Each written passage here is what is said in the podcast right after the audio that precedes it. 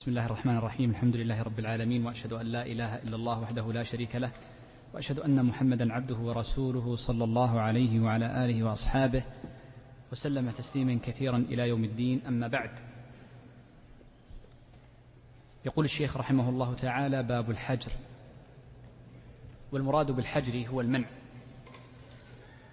ويقصد الفقهاء بهذا الباب المنع من التصرف في المال. وأحيانا كما هو النوع الثاني يعنون به المنع من التصرف في المال والتصرف في الذمة كما سيأتي بعد قليل. وقبل أن نبدأ بهذا الباب لنعلم أنه هناك بعض صور الحجر لا تذكر في باب الحجر لأن المقصود بباب الحجر هو المنع من التصرف في المال كله.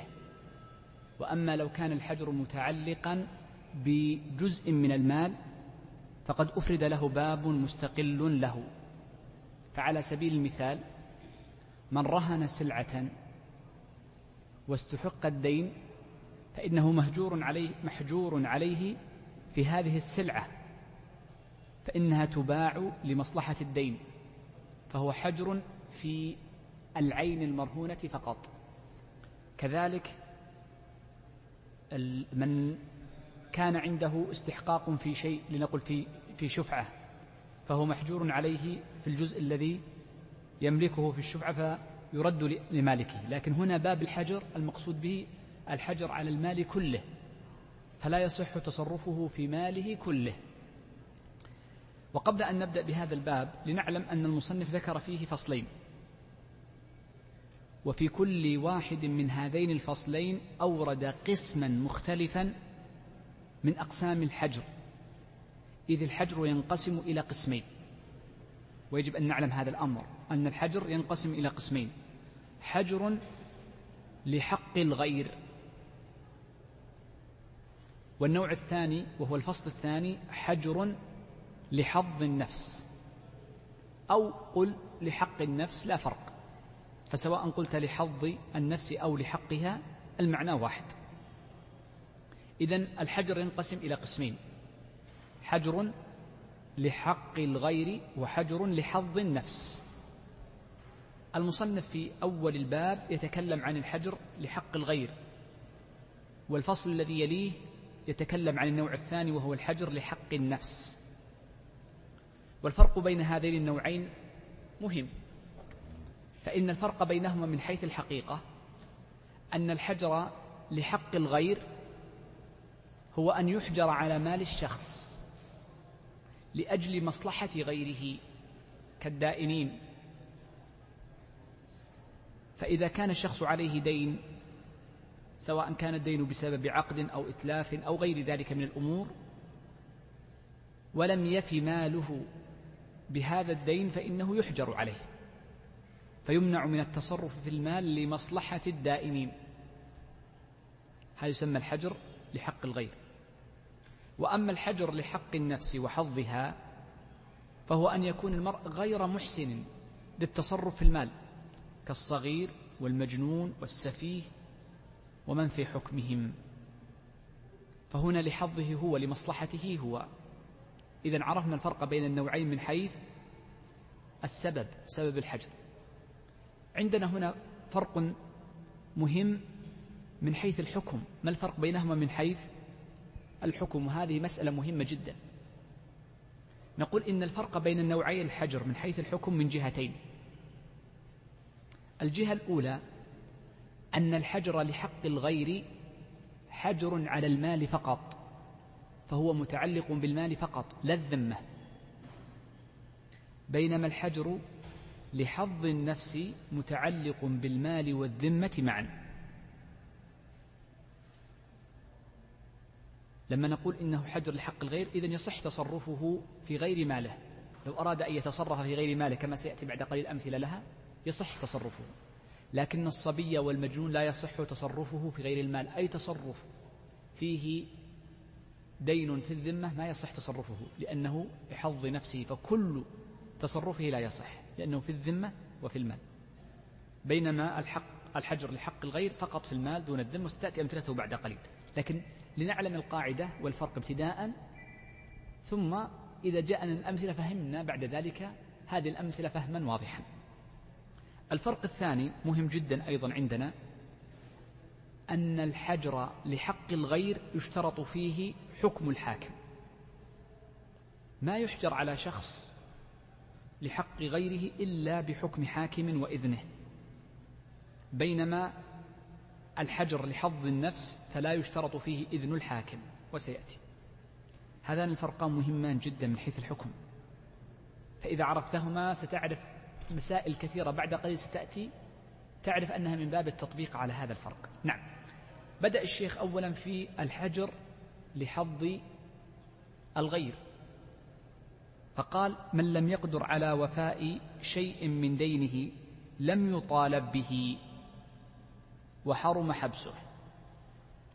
يقول إن الشخص إذا كان عليه دين فإن له ثلاث حالات. الحالة الأولى أن لا يستطيع السداد مطلقا لا يستطيع سداد الدين لا أن يسدد الدين كله ولا بعضه لا يستطيع السداد مطلقا. وهذا نسميه المعسر. الحالة الثانية أن يكون الشخص عنده من المال أكثر من الدين الذي عليه. الحالة الثالثة أن يكون عنده مال لكنه لا يفي بالدين بل هو أقل من الدين. إما على مقدار الدين تماما أو أقل. إذا هذه ثلاث حالات. نبدأ بالحالة الأولى وهو المعسر. وقلنا إن المعسر هو من لا مال عنده. ولا يستطيع أن يفي من الدين بشيء لا بقليل ولا بكثير. لذلك قال لما أراد أن يبين من هو المعسر قال من لم يقدر على وفاء شيء من دينه؟ خلاص ما يستطيع أن يفي. ليس عنده من الدنيا إلا ما يأكل ويشرب ويسكن. وضروريات حياته. الضروريات من الحياة لنقول منها السيارة كما قررنا قبل أن الضروريات تختلف من زمان لزمان. السيارة المكيف غسالة الملابس الآن الفرن ما نقول إنها أموال زائدة عن ضروريات حياته. الكلام على المال الذي يزيد عن حاجته. فليس عنده شيء هذا يسميه معسر. ما حكم المعسر؟ ولو كان عليه دين سواء كان ريالا أو كان مليون حتى لو كان مئة مليون. يوجد من الناس من عليه دين مئة مليون. الحكم الأول أنه لم يطالب به. إذا المعسر لا يطالب بالدين. يقول الفقهاء في قول عند قول المصنف لم يطالب به. يدل على أن المعسر يحرم مطالبته. ويستحب إبراؤه. لا لا عفوا. ويجب إنظاره. ويستحب إبراؤه. يجب أن نقدم الواجب على المستحب. أعيدها. لم يطالب به المعسر يحرم مطالبته بالدين. إذا كان الشخص لا مال عنده ما يجوز له أن تقول سدد لي لأنه لا مال عنده. لا تطالبه مطلقا لا في شرطة ولا في محكمة ولا في غيرها. هذا واحد. الأمر الثاني إذا كان لا يجوز مطالبته إذا مفهومها أنه يجب إنظاره. يجب إنظاره يعني يجب تأخيره حتى يجد ميسرة. فإذا وجد الميسرة يسدد. وجوبا لا منة لك فيها. فنظرة إلى ميسرة. الأمر الثالث أنه يستحب إبراؤه يستحب أنه يقال أسقطت عنك الدين. والفقهاء يقولون إن إبراء المدين أفضل من التصدق المدين المعسر أفضل من التصدق عليه. وهذا هو المذهب. ولذلك لما تكلموا طبعا في أبيات مشهورة عند الخلوة الخلوة يجمع النظائر ويجعلها في أبيات. هناك أبيات مشهورة. متى تكون السنة أفضل من الواجب؟ في مواضع منها هذا الموضع. فالواجب هنا هو الإنظار والسنة هو الإبراء فالإبراء أفضل من الإنظار. طيب. آه طيب. قال لم يطالب به. طبعا الدليل على عدم المطالبة ما ثبت في صحيح مسلم. من حديث أبي سعيد الخدري رضي الله عنه أن النبي صلى الله عليه وسلم قال للغرماء خذوا ما وجدتم وليس لكم إلا ذلك ما لكم إلا هذا الشيء. فما زاد عن دينكم مما لا مال له فإنه لا مطالبة لكم به. هذا واحد. الأمر الثاني قال وحرم حبسه لأن الحبس أثر من أثار المطالبة فإذا لم تجز المطالبة وحرمت فإنه يحرم حبسه من باب التبع. ولذلك فإنه إذا ثبت إعسار الشخص فإنه في هذه الحال يجب إخراجه من الحبس.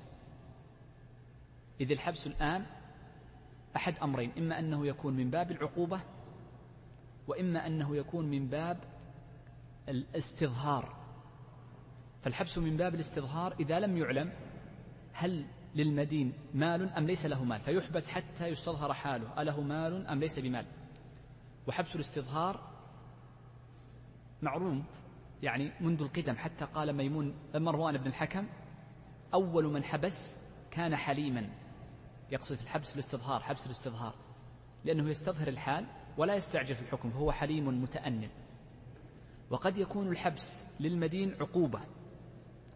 وهذا في الحالة الثانية سنذكرها بعد قليل وهو إذا كان عنده مال يفي به الدين ولكنه لم يفي. إذا فقولنا إن المعسر لا يحبس لا يحبس في الحالتين معا. لا حبس الاستظهار ولا حبس العقوبة. سنتكلم عن حبس العقوبة بعد قليل إن شاء الله. طيب. قال ومن ماله؟ بدأ بالحالة الثانية. ومن ماله؟ قدر دينه أو أكثر. والمقصود بماله أي المال الزائد عن حاجته كما ذكرنا قبل قليل. كان بقدر دينه أو كان ماله أكثر. أي المال هو الذي أكثر من الدين. لم يحجر عليه. هذا مدين ليس بمعسر ولا يجوز الحجر عليه وهو من كان ماله قدر الدين أو أكثر لا يجوز الحجر عليه. لكن ما الحكم فيه؟ بهذا الترتيب.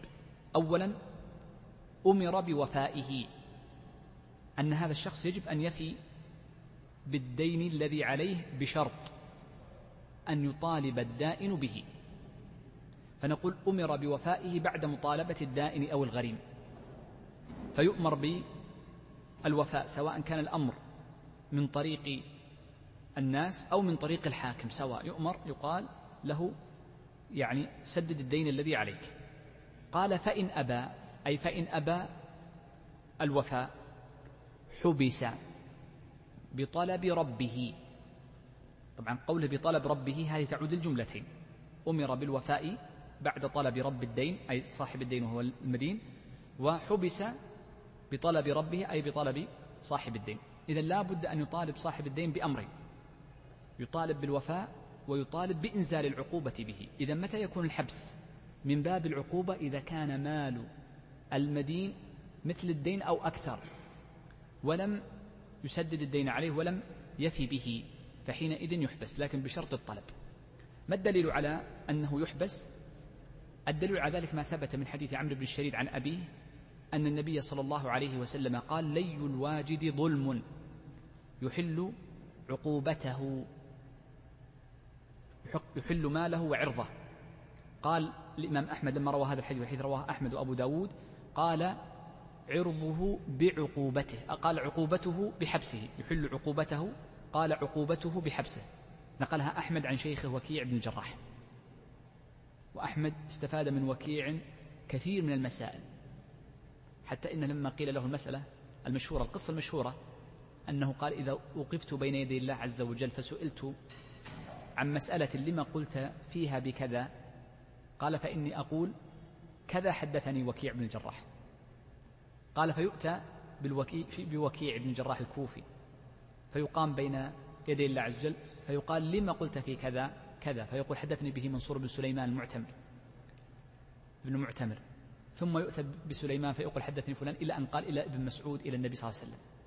فالمقصود من هذا كله ماذا؟ أن أحمد استفاد من مدرسة الكوفيين ومن مدرسة المدنيين ومن سائر المدارس الفقهية المشهورة في ذلك الزمن.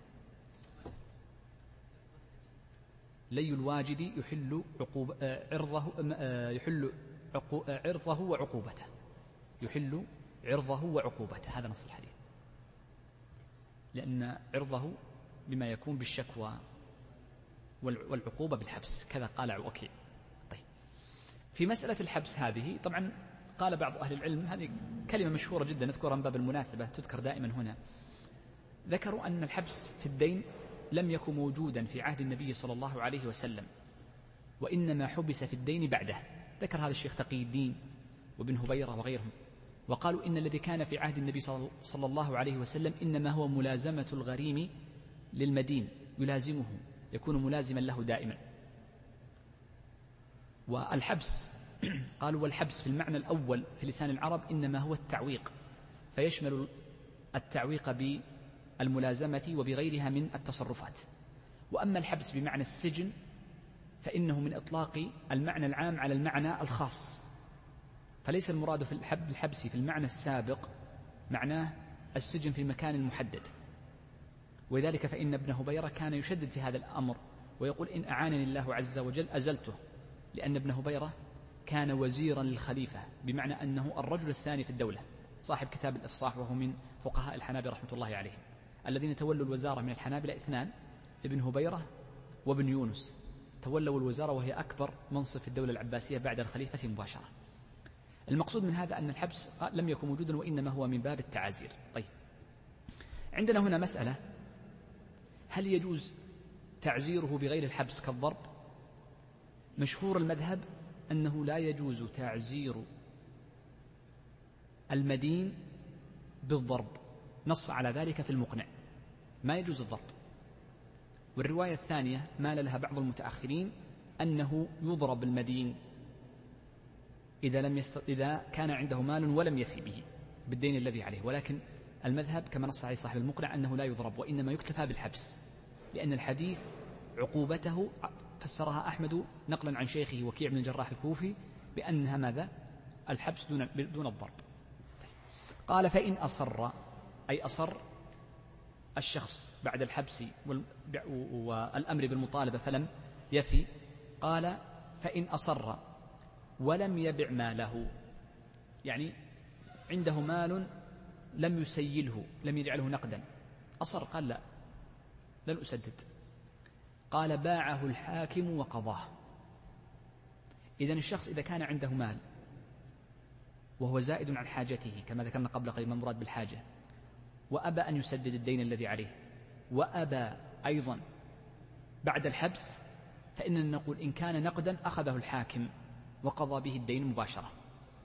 مثل ما يفعل الآن القضاة من حيث الحجر على الحساب البنكي لشخص معين يحجر عليه. فيحجر على هذا الحساب حتى يسدد الدين وهذا الآن يقوم به قاضي التنفيذ بحسب التنظيم الجديد الذي صدر من أقل من سنة. مباشرة يحجر على حسابه فيسدد به الدين إلى أن يكمل الباقي.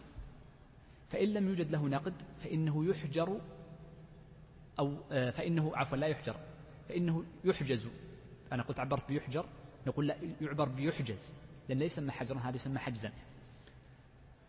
فإنه يحجز على أمواله العينية فتباع بدون إذنه. هذا ليس باب الحجر على كل المال وإنما حجز لبعض المال. يؤخذ أحد الأموال يختار القاضي ما رآه مناسبا مما استطاع الوصول إليه من مال فيأخذه ويبيعه. فيباع مباشرة.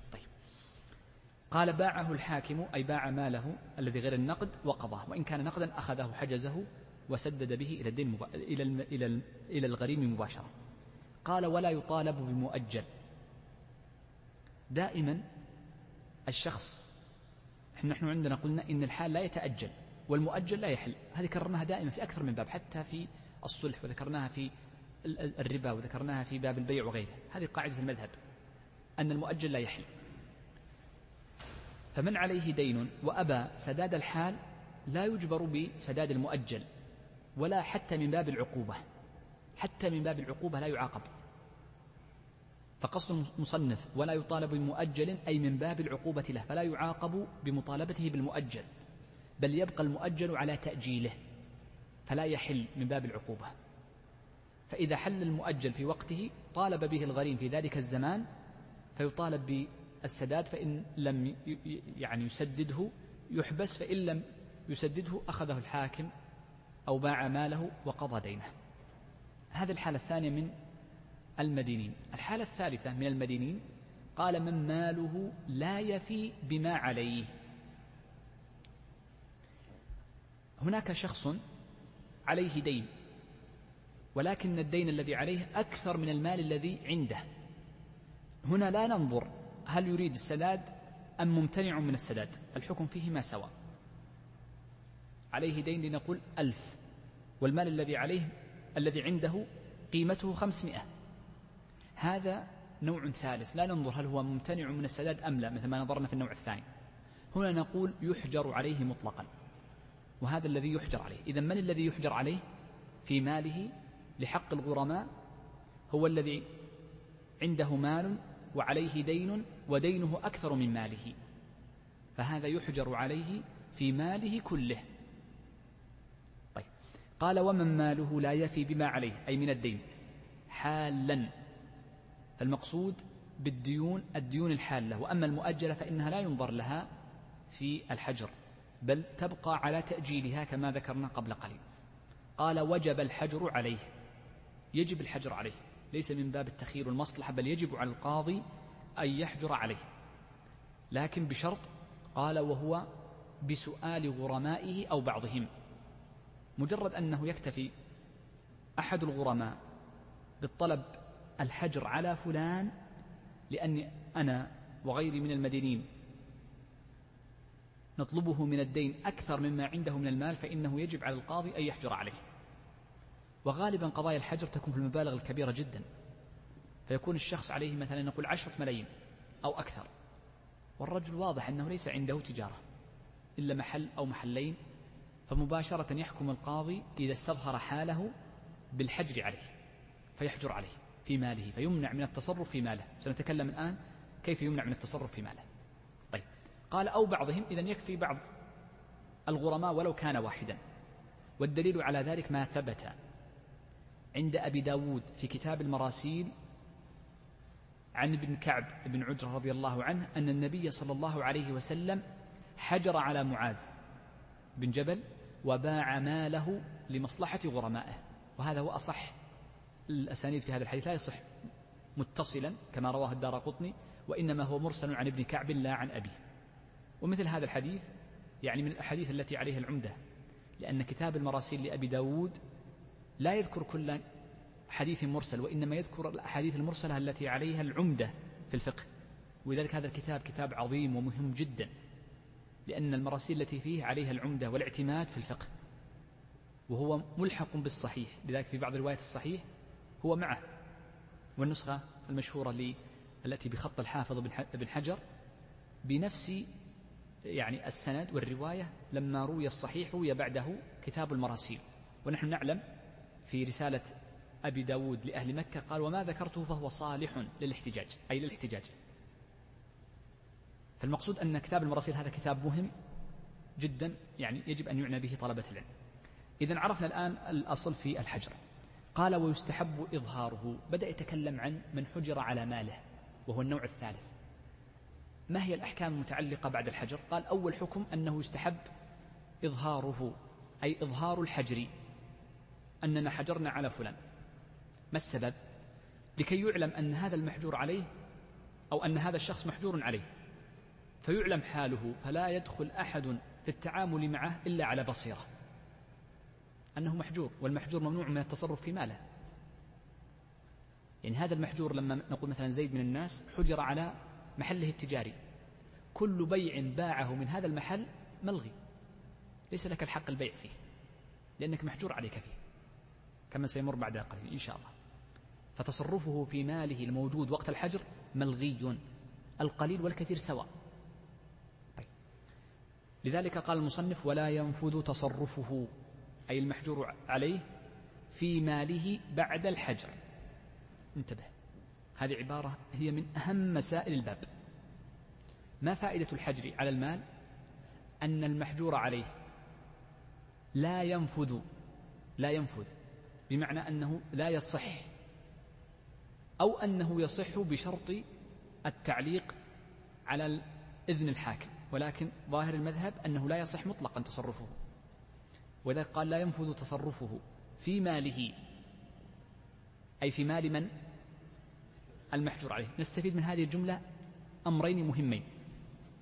الأمر الأول أنه قال في ماله أي في كل ماله. سواء كان هذا المال ملكه قبل الحجر أو ملكه بعد الحجر سواء. حجر عليه في شهر محرم. ثم في شهر صفر ملك مالا ورث مال.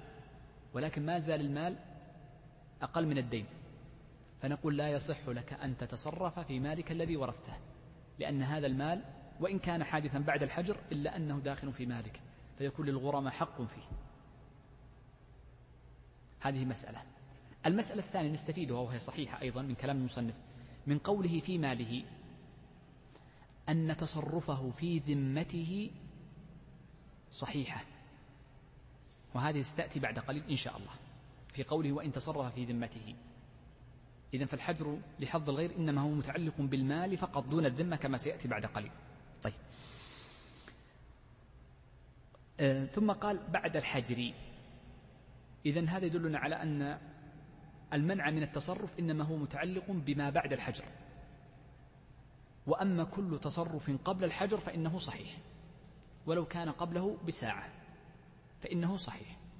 فلا نوقف تصرفه الذي قبل الحجر فنقول إنه نافذ. ولذلك بعض الناس قبل صدور حكم الحجر على عليه يقوم ما يسميه باللغة الدارجة بتوليج المال. يبيعه لشخص معين إما صوريا أو حقيقة.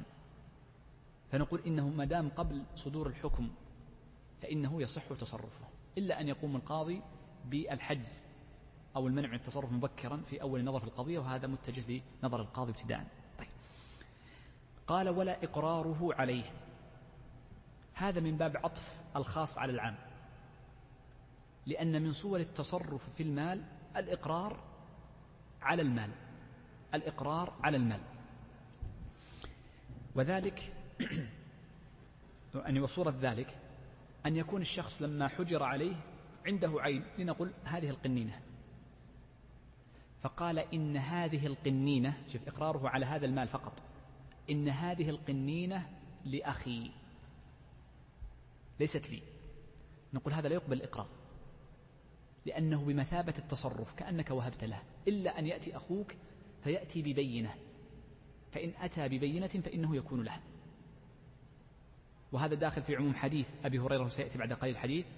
حديث أبي هريرة في الصحيحين النبي صلى الله عليه وسلم قال من أدرك عين ماله أو من أدرك متاعه عند إنسان فهو أحق به. طبعا هذا سيأتي أنه متعلق بالغرم وسيأتي بعد قليل لكن يدخل فيه هذا المعنى بشرط أن يثبت فيه الدليل أن يثبت الدليل على أن هذه العين له وإلا فإنها تكون لحق الغرماء جميعا فتباع لهم جميعا. طيب أقر أحيانا قلنا أقر بالعين أنها ملك لغيره. صورة إقرار أخرى حينما يقر بأن هذه العين عارية عنده. قال هذه العين ليست ملكي وإنما هي عارية. نقول أيضا لا يقبل.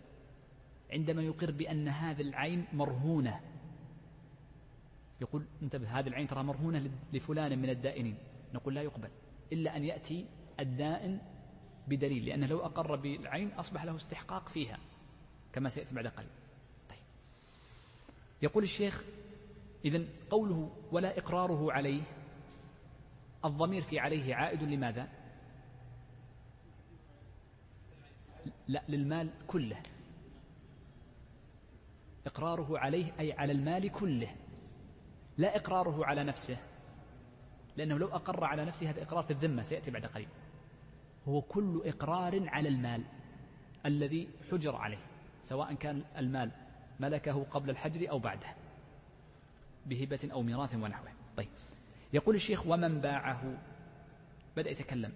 أو أقرضه شيئا بعده رجع فيه. يقول المؤلف إن الشخص إذا باع لشخص محجور عليه أو أقرضه مبلغا معينا لنقول خمسمائة ريال أو غيرها فنقول إن له حالتين. الحالة الأولى أن يكون هذا الفعل قبل الحجر فهذا يكون لازم والقرض يدخل في عموم المال فحينئذ يعني آه، لا ينظر للرجوع ما يرجع فيه لا يرجع فيه لأنه أقرضه وباعه ويصبح دائما من الدائنين. الحالة الثانية هي التي قصدها المؤلف هنا إذا كان البيع أو الإقراض بعد الحجر. بعد الحجر. فنقول أيضا له حالتان. الحالة الأولى كلا الحالتين ذكرها المصنف. إذا جهل البائع أو المشتري طبعا إذا كان هو مشتريا أو المقرض إذا جهل أنه محجور عليه. فنقول يرجع عليه. يرجع عليه. ولذلك قال ومن باعه أو أقرضه شيئا بعده أي بعد الحجر رجع فيه أي رجع في البيع وفي القرض فيملك نفس العين. إن جهل حجره إن جهل أنه محجور عليه. هذه الحالة الأولى. الحالة الثانية إن لم يكن عالما إن كان عفوا الحالة الثانية إن كان عالما ودخل على بصيرة نقول لا خلاص. تصبح مع الغارمين. كحال من باعه أو أقرضه قبل الحجر.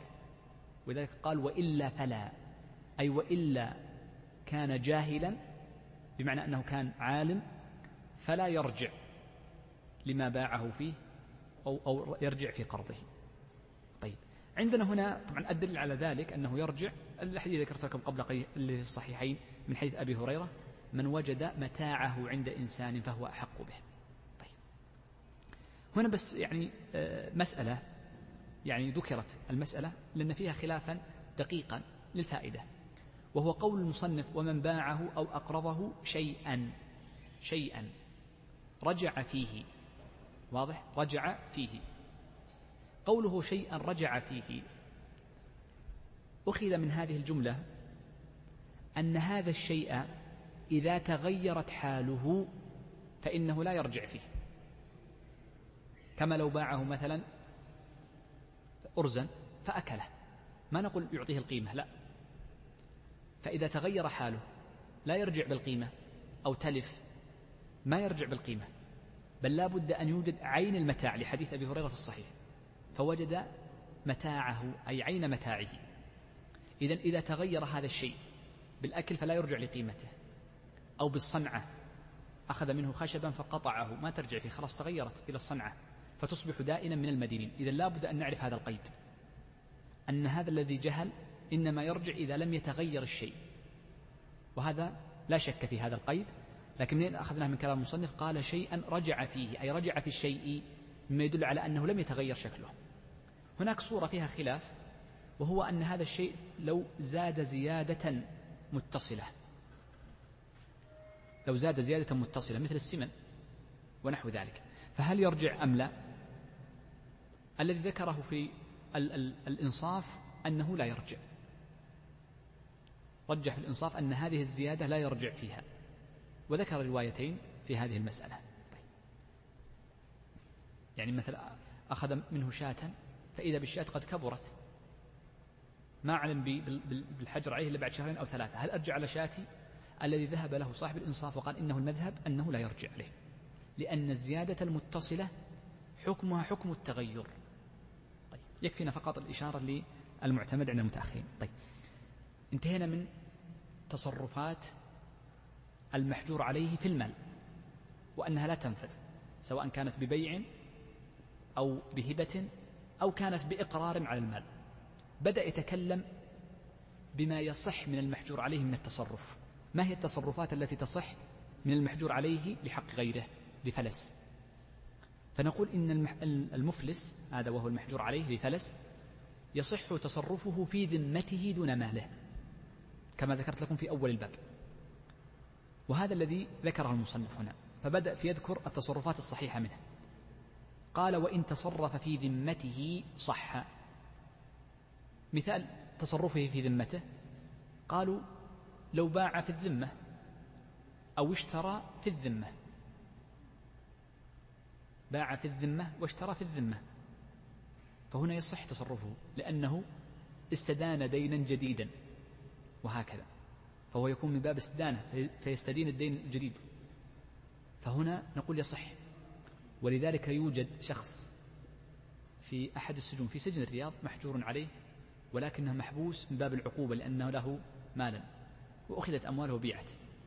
فإذا جاءه أي شخص من الذين في السجن يقول أنا علي ملايين خذ هذا الشيك واشتري به شيء واقضي به دينك وخلي الدين يزيد علي فيأخذ مثلا أقساط. طبعا قد قال يعني هذا كلام سابق قبل أن يأتي برنامج هذا الجديد الذي يربط الناس.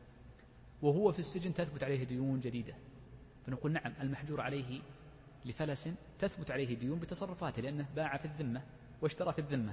لم يبع عينا سلمها ولم يشتري بمال عنده فسلمه حال وإنما في ذمته.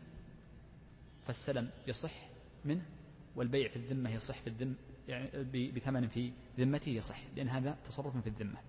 طيب. قال أو أقر بدين. يصح أيضا لو أقر بدين يصح إقراره. يصح إقراره بالدين لا بالعين كما سبق. قال أو جناية. أقر بجناية؟ قال نعم أنا الذي كسرت يد فلان. ونعلم ما هو الأرش الذي في الكسر اليد أو في سائر الجروحات؟ فإنه يصح إقراره لأن إقراره صحيح وذمته تصرفه فيها صحيح. قال أو جناية توجد توجب قودا أو مالا.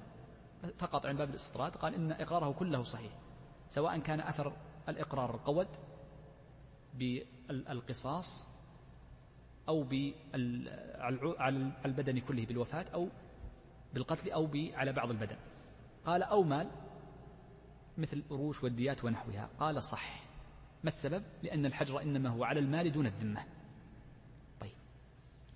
قال ويطالب به بعد فك الحجر عنه. هذه تفيدنا أن كل ما ثبت في الذمة بعد الحجر فإنما يطالب به بعد فك الحجر. أي بعد سداد الديون التي عليه التي سنذكرها بعد قليل كيف يفك الحجر وأنه يفك بأحد طريقين. لماذا قلنا هذا الكلام؟ لكي لا يكون ذريعة لهضم المدينين الدائنين حقوقهم. فبعض الناس يكون عنده عين بقيمة خمسمائة والديون التي عليه ألف. فلو بيعت هذه الأموال التي له فسيكون نصيب كل واحد نصف دينه. فيقول أقر بخمسمائة أخرى أو بألف أخرى خلينا أقر بألف أخرى. لكي تقسم على أربعة. والذي أقر له بالدين يبقيه عنده ويعطيني إياه بعد ذلك. نقول لا لا يقبل هذا الشيء. بل يبقى تصرفك في الذمة من البيع والشراء ومن الدين في ذمتك لكنه لا يدخل في المال. لأن لو أدخلناه مع سائر الأموال أصبح من الإقرار على المال وهذا ما يصح. فيبقى في ذمتك تعطى بعد الحج فك الحجر. قال ويطالب به أي يطالب بتصرفه في ذمته وما أقر به بدين أو جناية. إذا كان بإقرار أما لو كان بشهادة فإنه يدخل معهم لكونه تصرفا سابقا. قال ويطالب به بعد فك الحجر عنه. ثم قال ويبيع الحاكم ماله ويقسم ثمنه بقدر ديون غرمائه. يقول الشيخ إن الشخص إذا حجر عليه ما الذي يفعله الحاكم؟ يأخذ ماله كله ثم يبيع هذا المال. فإذا بيع قسم بين الغرماء والمراد بالغرماء الغرماء الذين عليهم الذين لهم دين حال دون الغرماء الذين لهم دين مؤجل. هذا واحد. ودون الغرماء الذين كان سبب دينهم بعد الحجر.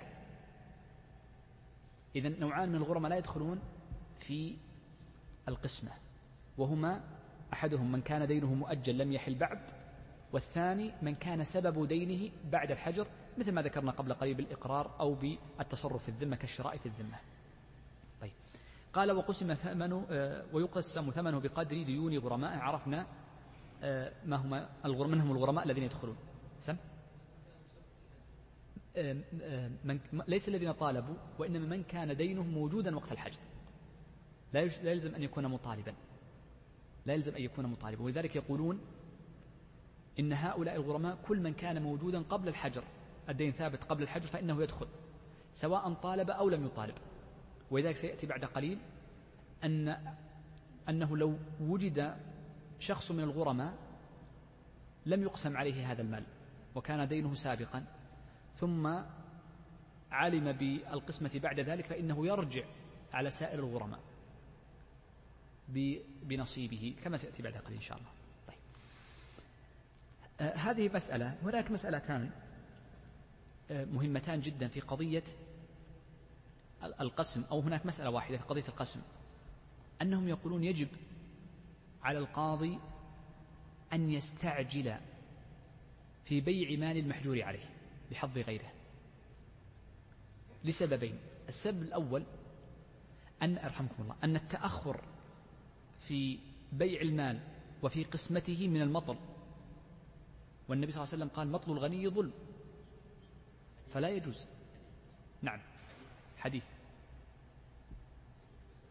نعم. فلذلك لا يجوز المطل المطل ممنوع ومحرم.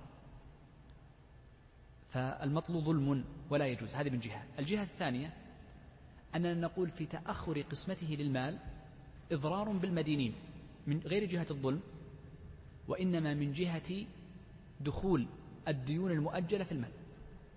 في ديون بقي عليها فترة من المال. ففي هذه الحال لو أخرت القسم سيدخل المتأخرون في هذا المال مع أن أولئك أول استحق لهم استحقاق أولي لذلك فيه ظلم من جهتين من حيث المطل ومن حيث إنقاص النسبة. طيب. يقول الشيخ ولا يحل مؤجل بفلس. بدأ يتكلم عن بعض صور التأجيل وناسب ذكرها في هذا المحل لأنها متعلقة بالحجر بفلس. فقال ولا يحل مؤجل بمعنى أن الدين المؤجل إذا أفلس الشخص لا يصبح حالا بل يبقى على تأجيله. فيبقى مؤجلا حتى لو بيع ماله. لو بيع ماله فإن الديون المؤجلة يصبح في حقه ماذا؟ معسر تسقط بالكلية حتى تكون هناك ميسرة. فالحجر للديون الأولى الحالة والباقون يصبحون من باب الإعسار إلا أن يرزقه الله عز وجل مالا. إذا قوله ولا يحل مؤجل بفلس أي بفلس المدين ولا بموت أي بموت المدين بل يبقى مؤجلا لا بموت المدين ولا بموت الدائن كليهما. يبقى مؤجلا ولكن هنا إنما كلامه عن موت المدين بالخصوص لأنه يحل في صورة واحدة فقط. أعيد هذه المسألة لأهميتها. الشخص إذا كان قد أقرض شخصا آخر دينا مؤجلا. والدين المؤجل على المذهب لا بد أن يكون ثمرة لبيع أو تصرف.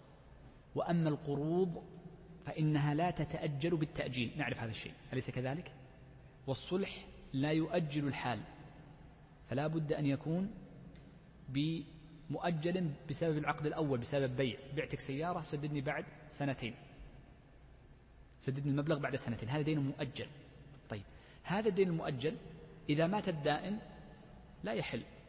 يبقى على المدين إلى حلول الأجل ثم يسدده بلا إشكال بلا استثناء.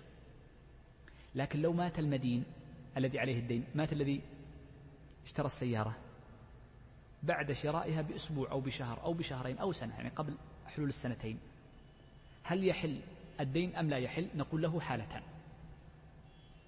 الحالة الأولى أنه إذا وثق الدين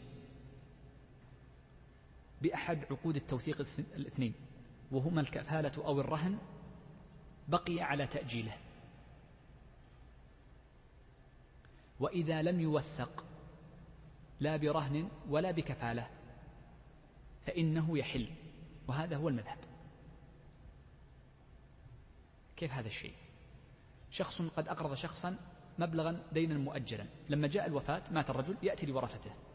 فيقول لهم أنا أطلب والدكم عشرة آلاف ريال لكنها بعد سنة. فأنتم بالخيار بين اثنين. إما أن تعطوني توثيقا رهنا كبيت أو أرض ويبقى على تأجيله بعد السنة. تسددوني العشرة آلاف. أو توثقونني بكفيل. يأتيني شخص فيقول أنا كفيل. إما بالدين أو بقيمة الورث بقيمة التركة. سنتكلم عن الكفالة بعد قليل بالتفصيل. فنقول هنا يبقى الدين مؤجلا. لكن لو ذهب الورثة قال أعطوني كفيل أو رهن ولم يكن قبل مرهون طبعا. لو كان مرهونا من الأصل يبقى الرهن على أصله. فحينئذ قالوا لا نقول إذا قد حل. فيصبح دينا حالا. فيدخل مع باقي الغرماء في التركة. واضح المسألة؟ طبعا هذه المسألة متى تصير مهمة؟ تصبح حينما تكون الديون أكثر من التركة. لكي يشترك الغرماء في التركة فيقتسمونها بينهم. وقبل أن أنتقل لهذه المسألة فقط يعني مسألة خطأ شائع عند كثير من الناس. كثير من الناس يقول وإن شاء الله ليسوا كثير وإنما قليل يقولون والدي إنما ورثنا الدين. دائما المورث لا يورثك إلا مالا. لا يمكن أن يورثك دينا البتة. لا يمكن. لأن الدين متعلق بالمال. فإذا كان الدين أكثر من المال سقط الباقي. اقتسمه الغرماء بالنسبة والتناسب بقسطه والباقي يسقط.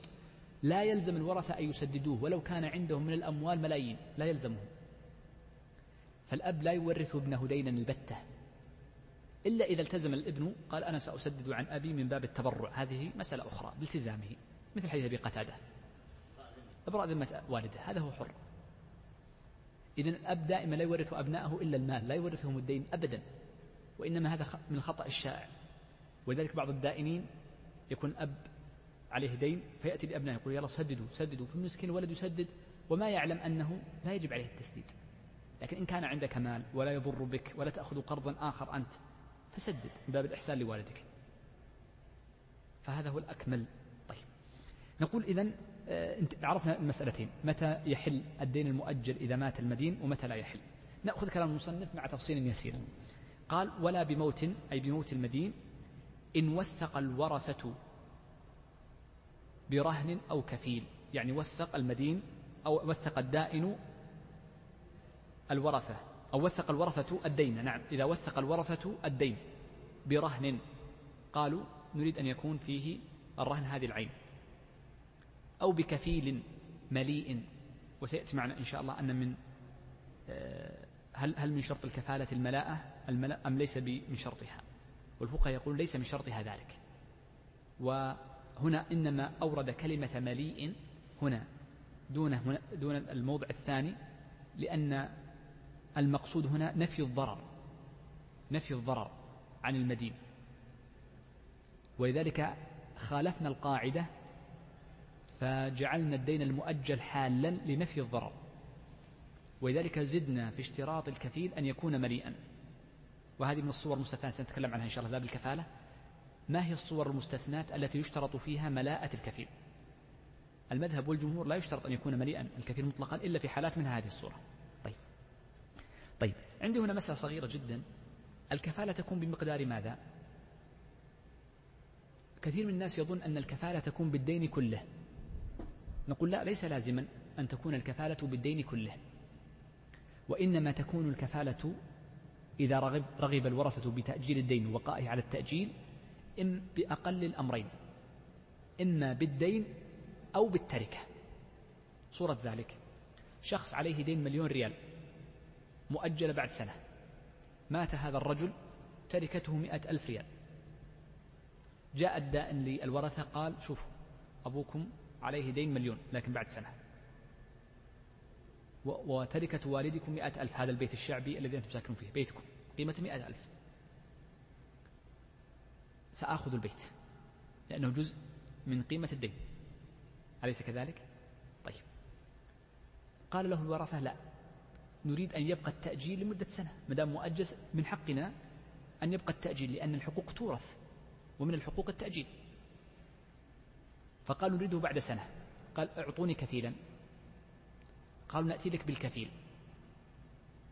نقول الكفيل هذا إما أن يكفل بالمل ال- الذي يجب عليه الكفيل إما أن يكفل بالمئة ألف أو بالمليون الأقل منهما ما يأخذ الأكثر.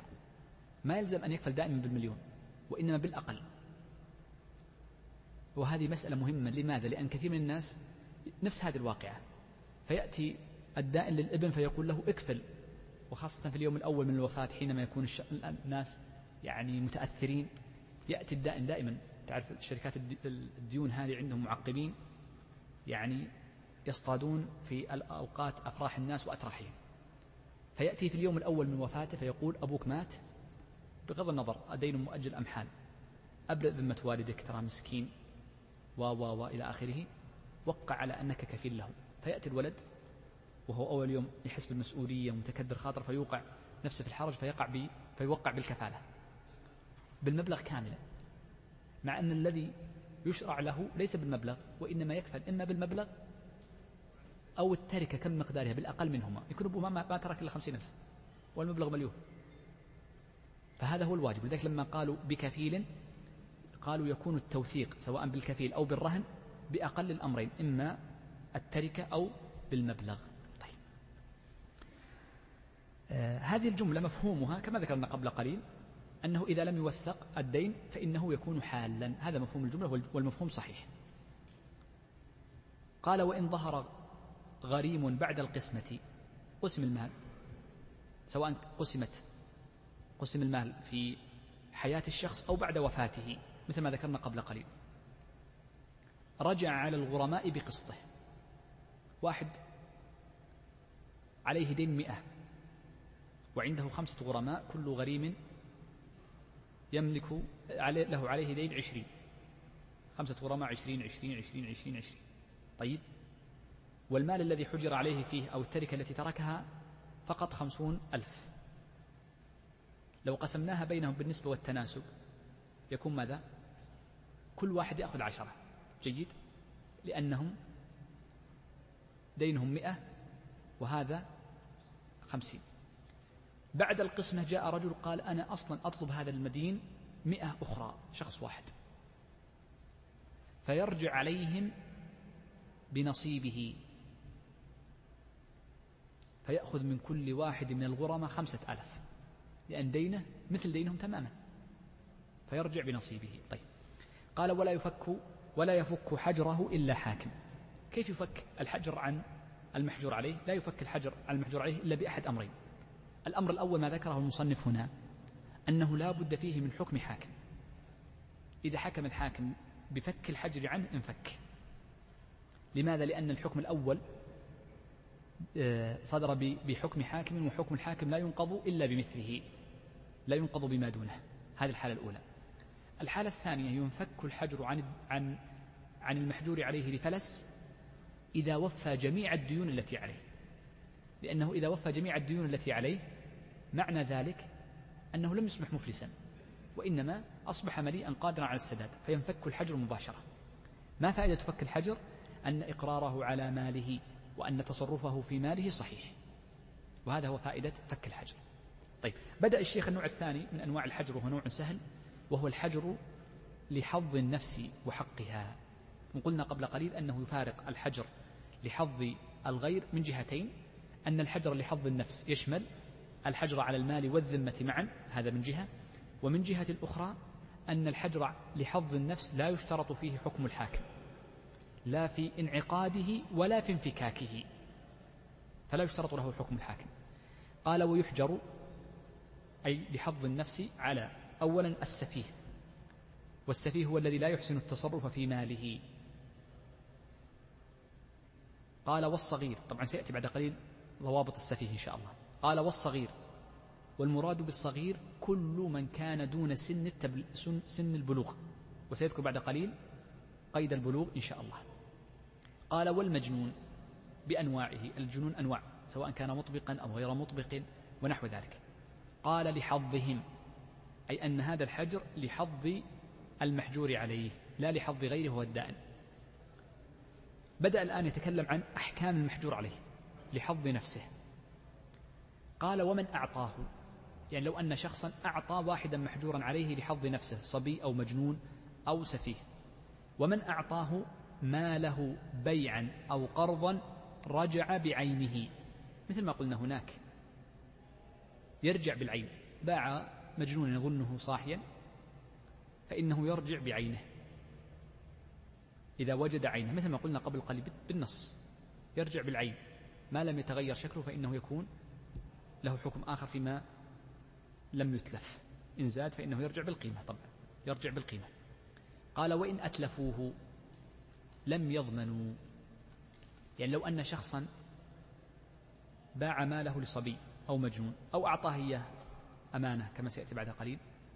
ثم أتلفه هذا المجنون أو الصبي. نقول لا يضمن المجنون ولا الصبي. ما السبب؟ قال لأن, لأن هذا الشخص مفرط. أعطاه صبي والصبي غير مأمون على المال. وكذلك المجنون.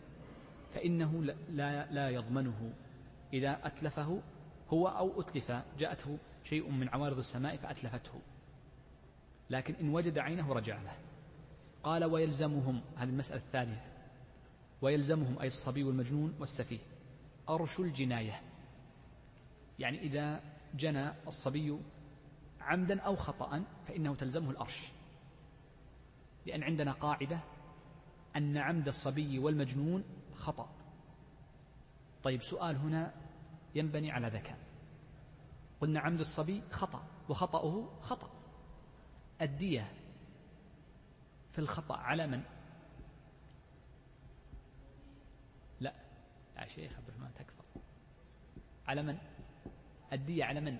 في الخطأ على العاقلة كيف نقول هنا يعطى وهي على العاقلة فكروا في الدية لا تفكروا في هذا الباب متى ما الشيء الذي لا تتحمله العاقلة العمد العمد لا يتصور من الصبي والمجنون لكن يتصور من السفيه.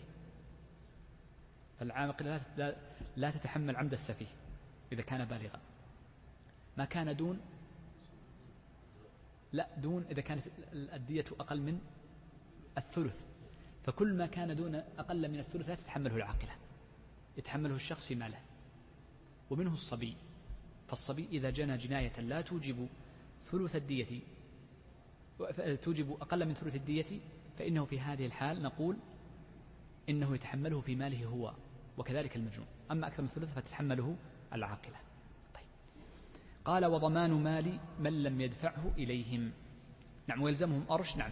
قال ويلزمهم أيضا ضمان مال من لم يدفعه إليهم. يعني وجد الصبي مالا فأخذه وأتلفه. وجد مال يعني دخل وجد لك شيء في الشارع فأخذه منك وأتلفه. أخذ قلمي وكسره. أخذ الكأس ورمى به فانكسر. نقول إنه لا يكون هدرا وإنما يلزم ضمانه. يلزم ضمانه. وإنما يكون هدرا في حالة واحدة. أقولها أو تقولونها. من قالها فله جائزة الأسبوع الجاي يجيبها له سبت. لا. لأن قال من لم يدفعه له. إذا مكنه مفرط ذكرت سبقت. هنا مسألة لم تذكر. مذكورة في آخر كتب الفقه. فيما لو كان صبيا صغيرا جدا. ولذلك فإن يعني جناية العجماء جبار. وهو من العجمة يعتبر الصبي أبو سنة وسنتين وثلاث وأربع وخمس. كل شيء يتلفه هدر. لأنه مثل مثل الدابة. إلا في حالة واحدة إذا فرط وليه في حفظه فإن الضمان يكون على وليه. مثل الدابة لأنه عجماء هو حكم حكم العجماء فحكمه حكم العجماء فقط من باب ربط المسائل وإن كانت لا تذكر في هذا الموضع لكن نربط المسائل بعضها ببعض. إذا الصبي له حالتان إذا كان دون سن التمييز فإن ضمانه فإن تلفه لا ضمان عليه فهو هدر جبار يعني هدر. وإن كان فوق سن التمييز فإنه في ماله هو. قال وإن تم لصغير بدأ يتكلم عن أحكام البلوغ.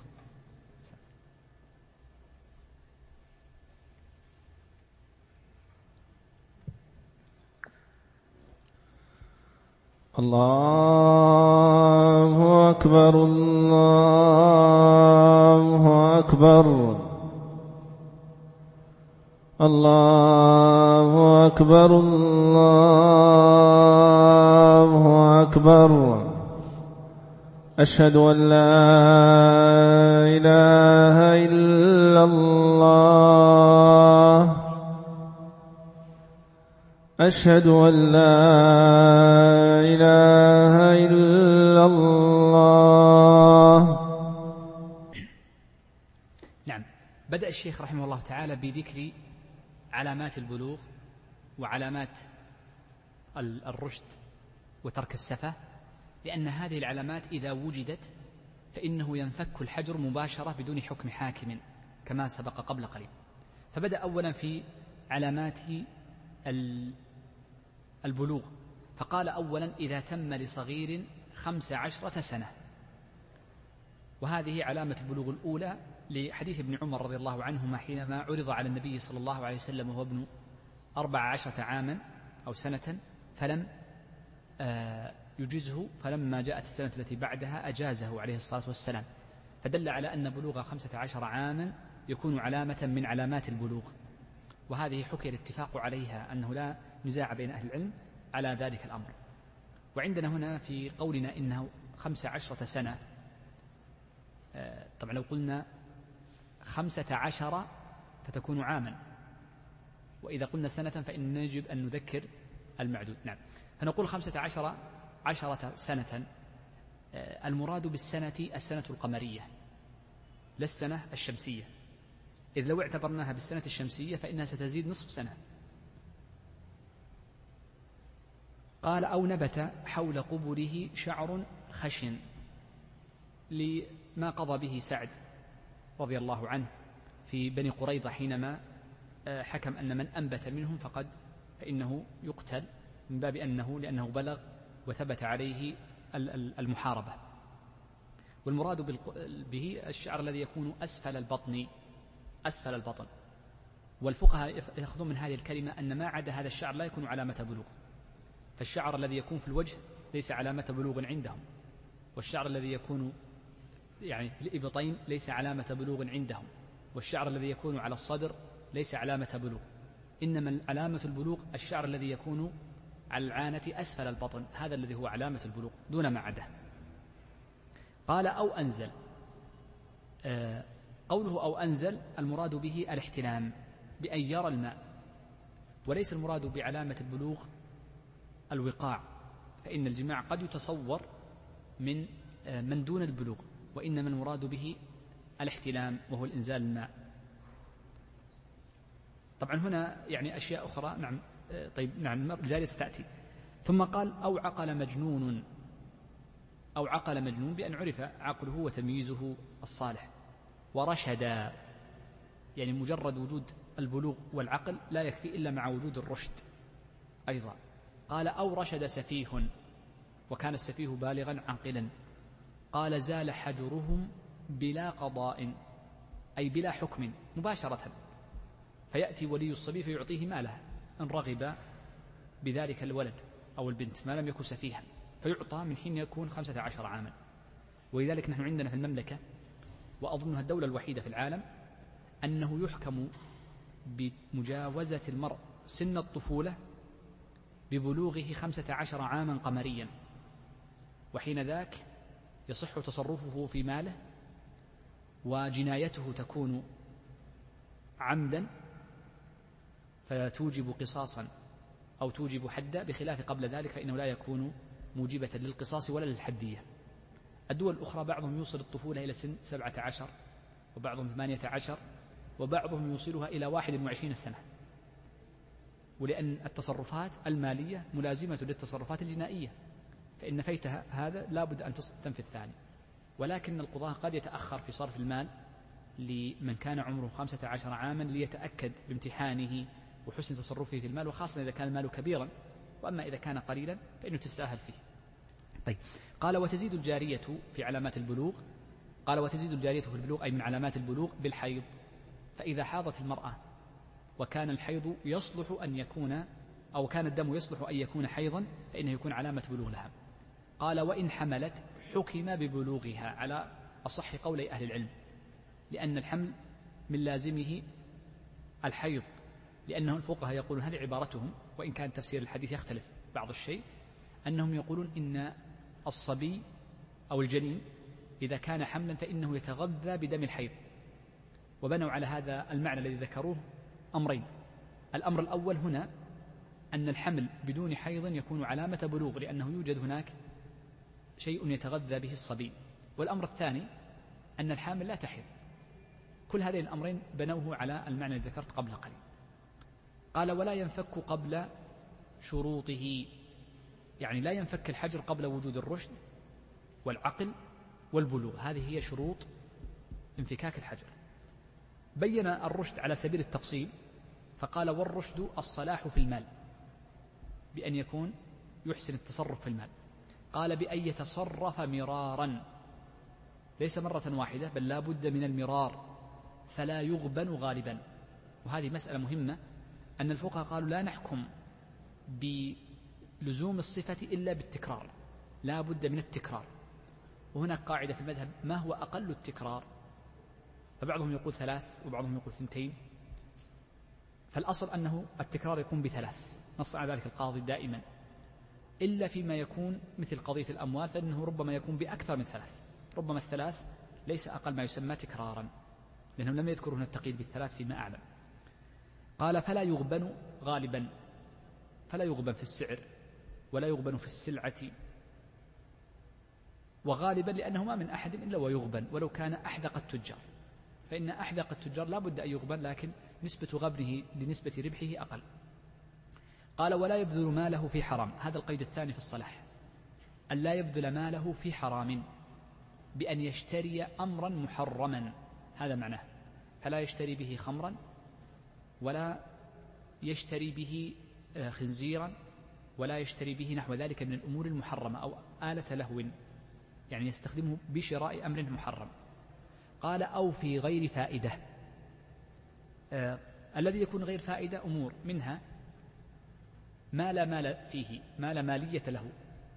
وهذا يتكلم عن الفقهاء قبل فيما يصح بيعه فيما لا مالية له.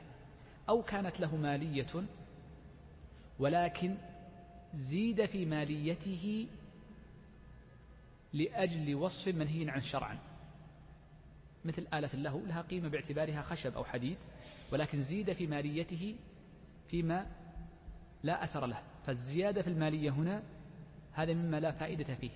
فإذا كان يشتري مثل هذه الأمور ويكثر منها فإنه يكون رادا له. أو كان يصرف ماله في يعني تعبير الفقهاء بهذا الموضع قالوا لو كان يستعمل يصرف ماله للسماع المحرم بأن يستمع الغناء وغيره. هنا لم يشتري وإنما لأجل أن يستمع فهذا ما لا فائدة فيه. وذكروا أمثلة أخرى. قال ولا يدفع إليه أي ولا يدفع المال المحجور عليه حتى يختبر. هو قول الفقهاء حتى يختبر. الاختبار يكون بما سبق قبل قليل بالنظر في بيعه وشرائه بأن لا يغبن غالبا وأن يتكرر ذلك منه مرارا وأن لا يشتري حراما ولا يصرفه فيما لا فائدة فيه ولا نفع. لكن انظر المسألة المهمة في قضية وقت الاختبار متى يكون. قال قبل بلوغه. لا بد أن يكون الاختبار قبل البلوغ. لقول الله عز وجل وابتلوا اليتامى. ولا يسمى المرء يتيما إلا إذا كان قبل بلوغه.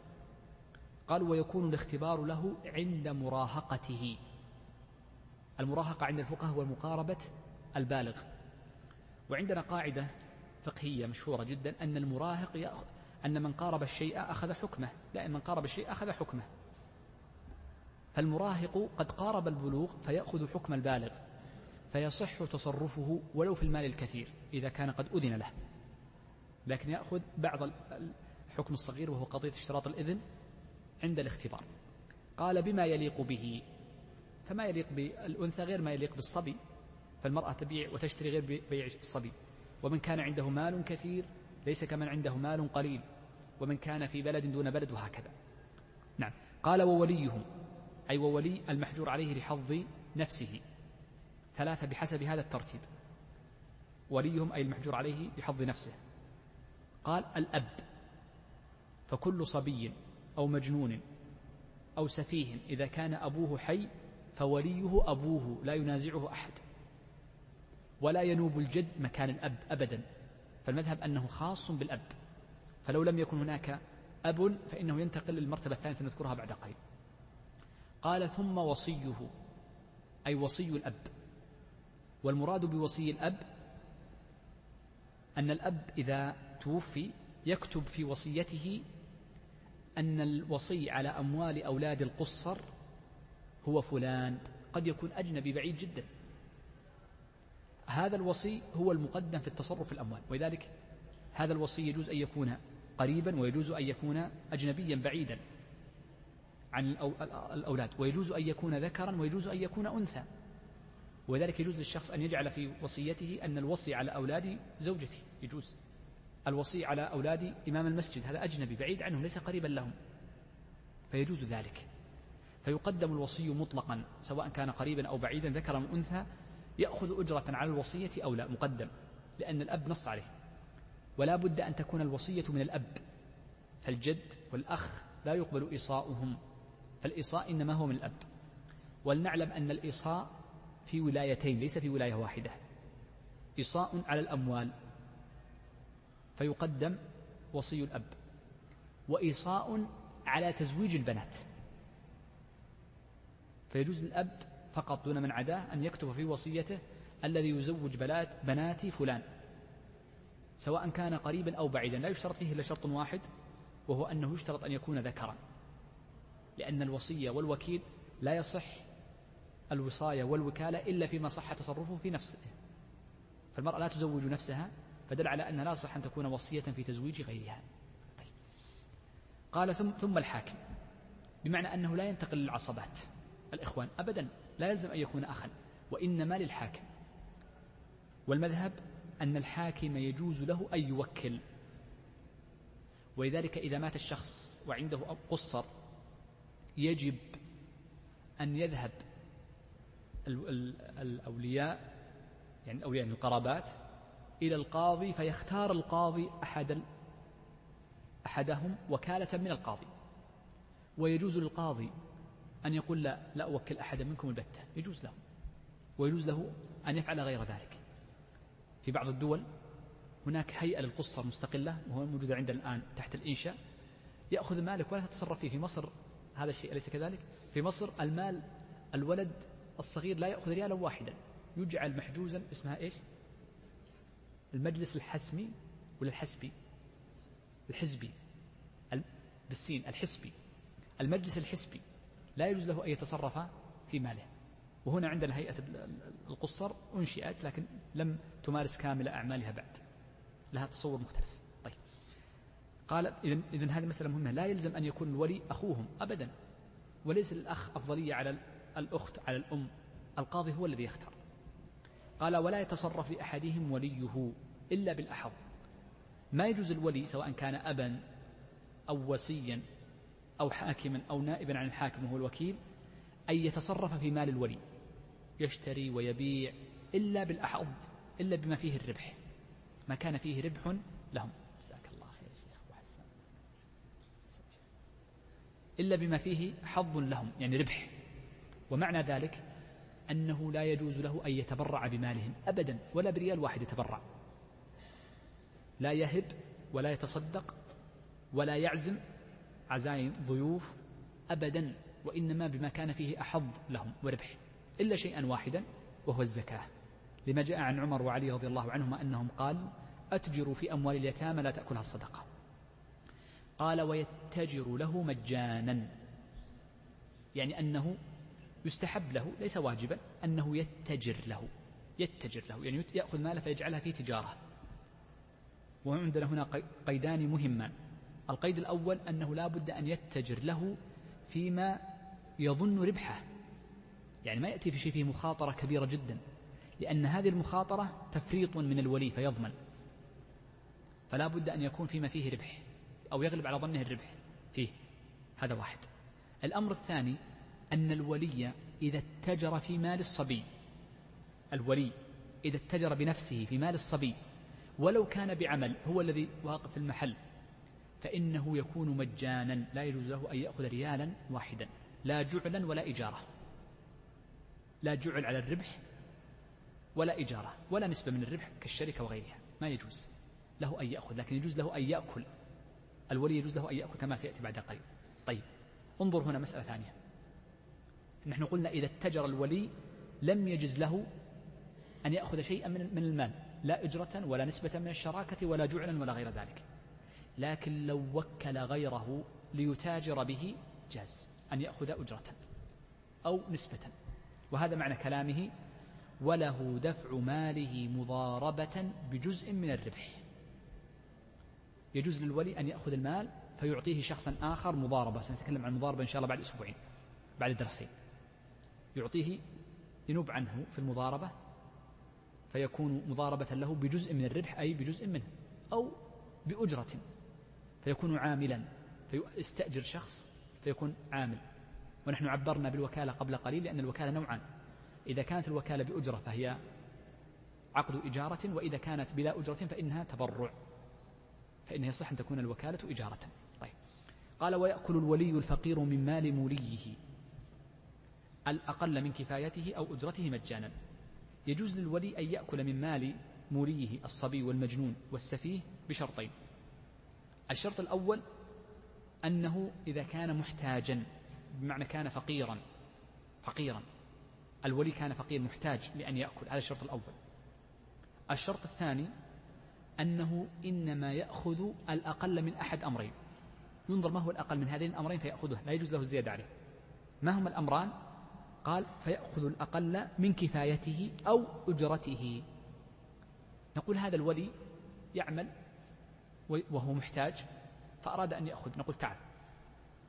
لو أننا جبنا أتينا بشخص فعمل يعني مثل العمل الذي تقوم به كم يأخذ؟ قال يأخذ ألف ريال. يقول أخذ ألف ريال شهريا هذه أجرة. طيب أنت محتاج؟ أي والله ما أجد ما آكل. كم مقدار أكلك وشربك في الشهر كله؟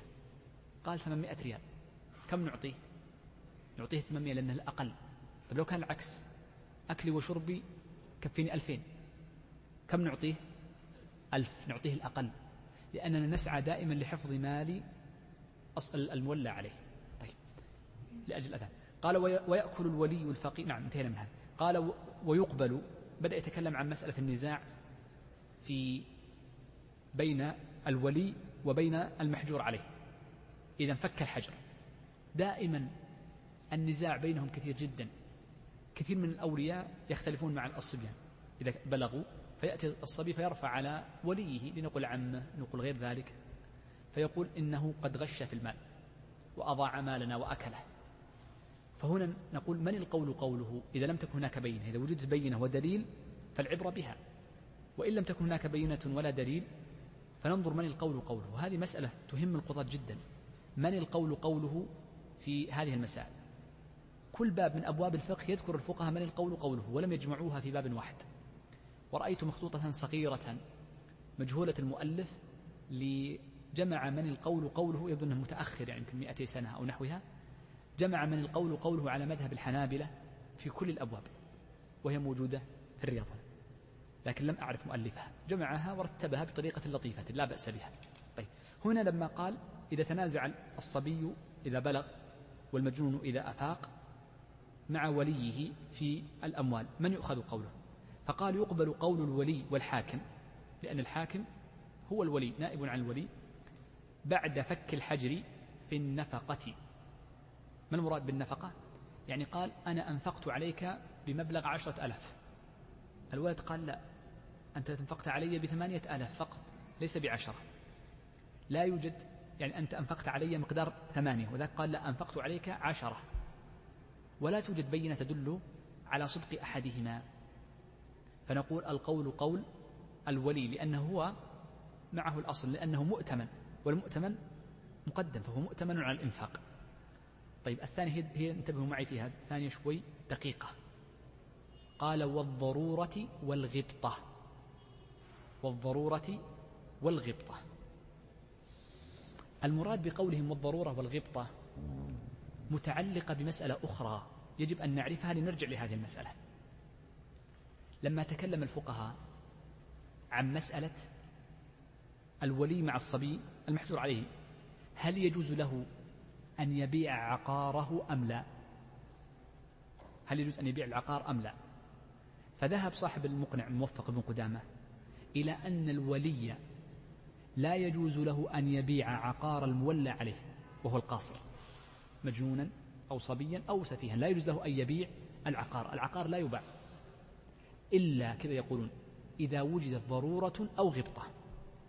الضرورة يعني حاجة للبيع ما وجد شيئا يأكله مثلا. أو غبطة يعني وجد ارتفاعا جدا في السعر كبير جدا. سأذكر بعد قليل ما هو ضابطه.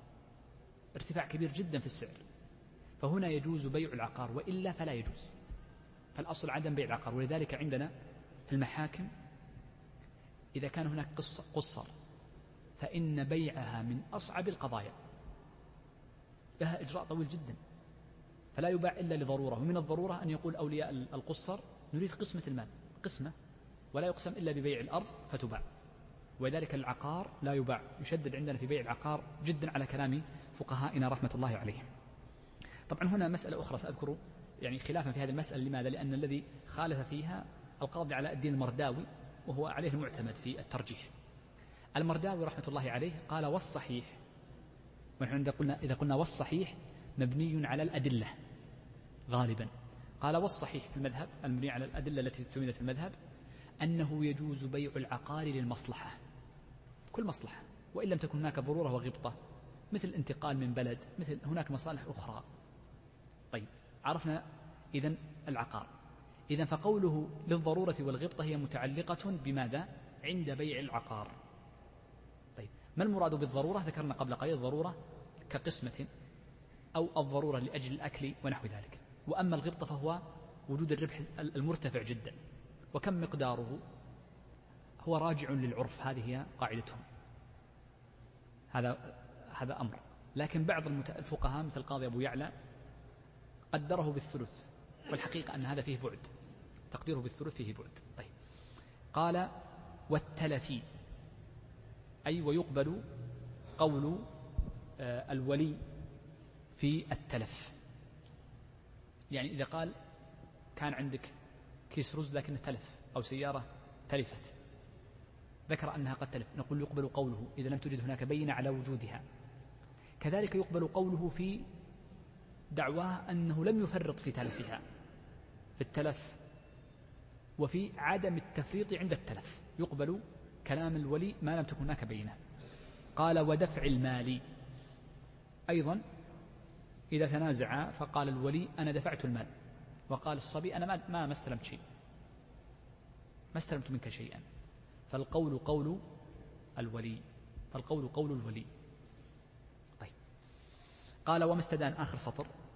قال وما استدان العبد لزم سيده إذا أذن له.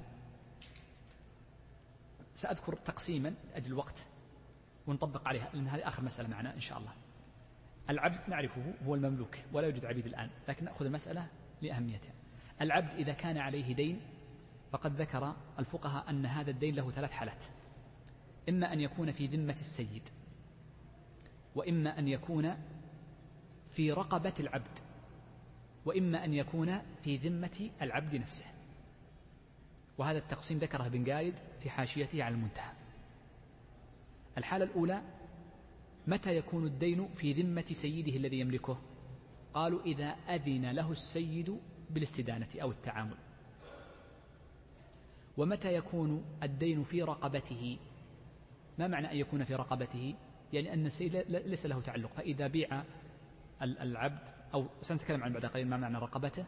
فإذا بيع فإنه يؤخذ من قيمته قيمة الدين. نقول إذا استدان بغير إذن سيده فإنه متعلق برقبته. ومتى يكون في ذمته؟ قال إذا ثبت الدين بإقرار العبد بلا بينة فإنه متعلق بذمته. يعني إذا بيع لا يؤخذ من رقبته شيء لكن إذا عتق بعد ذلك فأصبح يملك مالا فإنه يسدده في ذمته. إذا عنده ثلاث صور. وقد ذكرت لكم دائما أن بن قايد يتميز بماذا؟ بالتقاسيم. طيب. وذلك معنى كلام الشيخ يقول وما استدان العبد لزم سيده إن أذن له. هذه الحالة الأولى. لأن أذن له فهو تصرف متعلق بإذنه فكأنه هو الذي استدان. قال وإلا أي وإن لم يأذن له سيده بالاستدانة أو التصرف ففي رقبته يعني في رقبة العبد كاستداعه يعني إذا أخذ العبد وديعة وتلفت فإنه تكون في رقبته وأرش جنايته أي وكذلك إذا جنى العبد فإن قيمة الجناية ليست على السيد وإنما في رقبة العبد نفسه. وسأتكلم كيف تسدد بعد قليل. وقيمة متلفه لو أن العبد أتلف شيئا فإنه متعلقة برقبته. أتلفها. كيف تكون في في في رقبته؟ قالوا تكون في رقبته إذا يخير السيد بين ثلاثة أشياء. إذا كان الشيء الدين ثابت في رقبة العبد فيخير السيد بين ثلاثة أشياء. الأمر الأول بين أن يفديه من عنده. الأمر الثاني أن يبيعه ويسدد الدين من قيمة بيعه. الأمر الثالث أن يسلمه للدائن. خذ قيمة هذا خذه لك. إذا أصبح هذا في رقبته. بذلك نكون أنهينا هذا الباب ونكون بحمد الله عز وجل أنهينا باب الوكالة. اليوم طويل الباب بعض الشيء لكنه سهل جدا جدا من أسهل الأبواب باب الحجر. ولكن فيه استطرادات خرجنا كثيرا اليوم لكن إن شاء الله لفائدة. بذلك نكون قد أنهينا هذا الباب بحمد الله عز وجل. أسأل الله عز وجل الجميع التوفيق والسداد. وصلى الله وسلم على نبينا محمد.